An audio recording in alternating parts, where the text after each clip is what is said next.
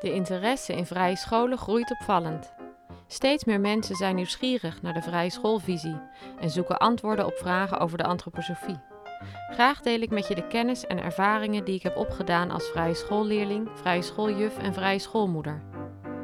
Ik ben Eveline, moeder van drie jongens en blogster van Everyday Mommy Day en Waldorf Inspiration. Je vindt me via YouTube, Facebook, Instagram en mijn website everydaymommyday.com. Je luistert naar mijn podcastserie over leven met de antroposofie als inspiratiebron.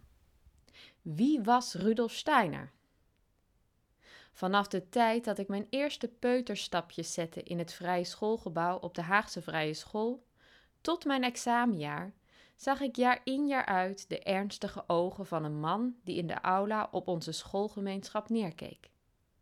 De foto van Rudolf Steiner hoorde bij het meubilair van de grote zaal op onze school. Ik zag hem eigenlijk nooit bewust, hij was er gewoon. Tot ik hem als beginnend puber opeens wel zag. Maar wie was die meneer nou eigenlijk? Ik had natuurlijk wel eens van hem gehoord, kende het woord antroposofie, wist dat beide zaken iets met de school waarop ik zat te maken hadden, maar zou je op dat moment inhoudelijk er niets over hebben kunnen vertellen. Pas als puber begon ik me vragen te stellen. Vragen die in mezelf leefden, maar ook kritische vragen die door mijn leeftijdsgenoten en vrienden van andere scholen werden gesteld. Vragen over wat nou eigenlijk precies die vrije school is, wat we nou precies doen op die school, of we anders zijn omdat we op die vrije school zaten, of we beter waren. Waren we de hele dag onze naam aan het dansen? Zeiden we gebeden op voor Rudolf Steiner? Eén ding wist ik zeker. Ik zat op een hele fijne school, omringd door hele fijne mensen en echt rare dingen deden we er niet. Eigenlijk vooral heel veel leuke dingen. Maar desondanks begon ik met de dag meer puberallergieën te ontwikkelen en mij steeds meer te storen aan het feit dat er bij die Steiner niet eens een keer een lachje vanaf kon. Daarbij vroeg ik me af waarom hij zo prominent in de zaal moest hangen. Hij is toch niet onze goeroe of zo?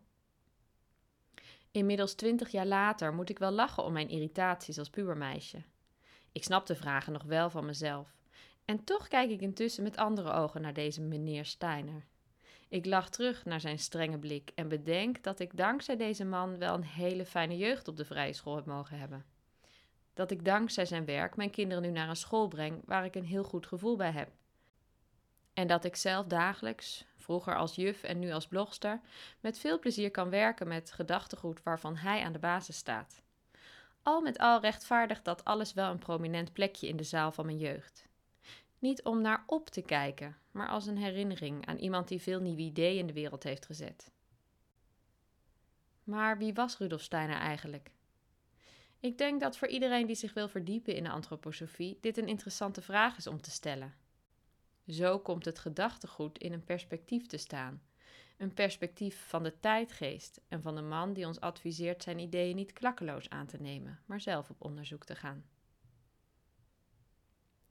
Rudolf Josef Lorenz Steiner werd op 27 februari 1861 geboren in Donji Krajewek, een plaatsje wat nu ligt in het noorden van Kroatië, maar toen nog hoorde tot het Oostenrijks-Hongaarse Rijk. Vanaf zijn derde levensjaar verhuisde het gezin naar Oostenrijk. Opvallende noemenswaardigheden van zijn kindertijd waren zijn bijzonder vroege interesse in wiskunde en filosofie. Tegenwoordig zou men Steiner waarschijnlijk hoogbegaafd hebben bevonden. Hij voelde zich anders dan zijn leeftijdsgenoten, omdat hij meer zag en doorzag dan anderen, vertelt hij later. Maar hij besloot erover te zwijgen. Na zijn schooltijd studeerde Steiner van 1879 tot 1883 biologie, wiskunde, natuurkunde en scheikunde in Wenen. Hij verliet de Technische Hogeschool zonder diploma vanwege gebrek aan financiële middelen, maar promoveerde later in Rostock met een filosofische dissertatie. Die dissertatie vormt de basis van Steiners eerste filosofische werk, De Filosofie der Vrijheid. Grote verschuivingen op maatschappelijk gebied maakten dat rond 1900 veel vernieuwingsimpulsen ontstonden op het gebied van de kijk naar de mens en de maatschappelijke samenhangen. Steiner was een van velen. Hij zocht op zijn manier naar een soort wijsheid, een inzicht naar de mens levend in het universum vanuit zijn op dat moment hedendaagse bewustzijn. Het zijn filosofische vragen die zich elk mens in meer of mindere mate in het leven stelt. Want wat betekent het om mens te zijn? Wat is het doel van mijn leven? Hoe ontstaat leven? Is er leven na de dood? Is er meer tussen hemel en aarde? De materieel ingestelde mens zal je ervan willen overtuigen dat er niets meer bestaat dan alles wat zichtbaar en tastbaar is. De dood is een definitief einde en alles wat er niet volgens onze huidige wetenschap te meten, wegen en te bewijzen is, bestaat niet. Het biedt wellicht een veilig gevoel om slechts te geloven in dat wat voor ons mensen grijpbaar en te begrijpen valt. Maar zelfs de grootste materialist zal moeten toegeven dat gedachten, gevoelens, dromen, groeikracht, het is allemaal niet tastbaar. Betekent het ook dat ze dan niet bestaan? Rudolf Steiner, geschoold in de gewone wetenschap, was door zijn persoonlijke ervaring overtuigd van het bestaan van die niet-fysieke wereld. De niet-materiële wereld noemde hij ook wel de geestelijke wereld. Als zoveel mensen die geestelijke wereld zien en overeenkomstige ervaringen hebben, dan moet ook die wereld, net als de materiële wereld, op een wetenschappelijke manier te onderzoeken zijn. Volgens Steiner is het denken en de mogelijkheid het denken te analyseren de belangrijkste waarnemingsvaardigheid van de mens. Steiner beargumenteerde dat de mens als spiritueel wezen door zijn uniek menselijk bewustzijn in potentie een werkelijk vrij wezen is. En door dat vrije denken in te zetten als onderzoeksinstrument kan je geesteswetenschappelijk onderzoek doen. Rudolf Steiners onderzoek naar de geestelijke wereld is de basis van de antroposofie. Geen geheime kennis of een mysterie waar je volgens een kerkelijke leer in moet geloven, maar een onderzoek wat reproduceerbaar is door ieder van ons. Van 1890 tot 1897 was Steiner medewerker van het Goethe-archief in Weimar. Hij was gefascineerd door het werk van Johann Wolfgang von Goethe. Hij maakte in die tijd in het archief diepgaande studies van de door Goethe gebruikte wetenschappelijke methodes. Naast zijn werk als Goethe-uitgever was Steiner ook uitgever van het Magazin für Literatur. Hij gaf les op verschillende hogescholen en werd gevraagd om leiding te nemen over de net nieuw opgestarte Duitse sectie van de Theosofische Vereniging. Anders dan bij de theologie, waar het om de goddelijke leer gaat, gaat het bij de theosofie om de goddelijke wijsheid. De kerngedachte van de theosofie is dat alle wezens in essentie één zijn. Dat we allemaal begiftigd zijn met een goddelijke kern, die voortkomt uit dezelfde bron. Rudolf Steiner trad in de jaren na de eeuwwisseling steeds meer naar buiten met voordrachten. Hij reisde door Europa en sprak voor volle zalen. In deze periode schreef hij zijn basiswerken: Theosofie, de wetenschap van de geheimen der ziel en de weg tot inzicht in hogere werelden. In de blog die hoort bij deze podcast kan je linkjes vinden naar deze verschillende boeken.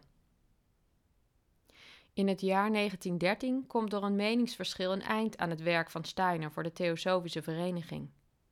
Vanaf dat moment richt hij de Antroposofische Vereniging op.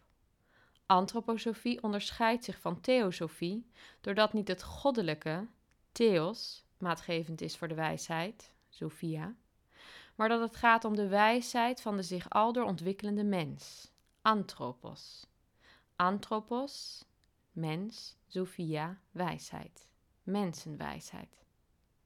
Steiners leven komt in het laatste decennium van zijn leven in een stroomversnelling. Er komen tal van vragen op Steiner af, die resulteren in vele praktische toepassingen van de antroposofie.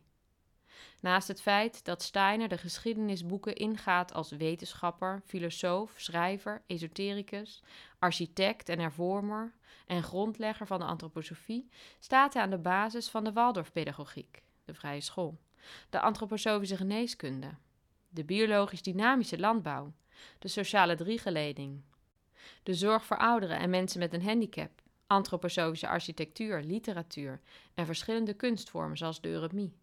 Steiner gaf zelfs advies bij de oprichting van een vernieuwende religieuze gemeenschap, de Christengemeenschap. Je zou met recht kunnen zeggen: Rudolf Steiner was een echte duizendpoot. Verschillende initiatieven en werkgebieden van de antroposofie hebben zich als een olievlek over de wereld verspreid. En Steiners gedachtegoed inspireert zelfs vandaag de dag nog een altijd groter groeiende groep mensen.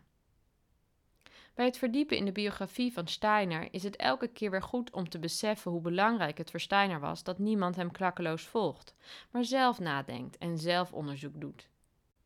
Hij schijnt zelf vaker last te hebben gehad van de dogmatische neiging die in elk van ons mensen woont. De wens naar een recept, naar een zo hoort het. Voor mij persoonlijk is het prettig om te lezen dat Steiner zelf ook zoekende was in zijn leven. Hij is voor mij geen waarzegger die het van A tot Z bij het rechte eind had. Ook hij was een mens, weliswaar met een hoop kennis, een hoop ideeën, maar ook als mens in ontwikkeling. Dat is bemoedigend, want zo kan ik mij laten inspireren en toch mijn eigen weg gaan en vertrouwen hebben op mijn eigen ontwikkelingsweg.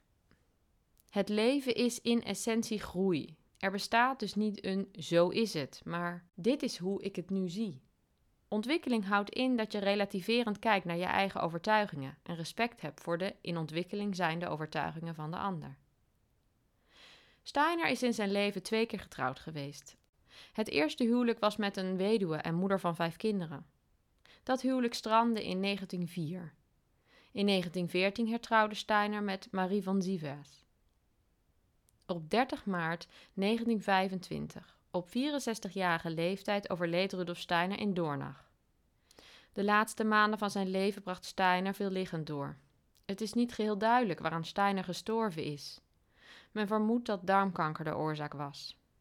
Je zou je ook kunnen indenken dat het voor het lijf van Steiner, die vlak voor zijn ziekbed nog 70 lezingen per week gaf, de druk om zijn niet altijd goed begrepen inzichten in de wereld te zetten, simpelweg veel te groot was. Er zijn een paar mooie uitgebreide biografieën over Steiner geschreven, die zeker de moeite waard zijn om te lezen.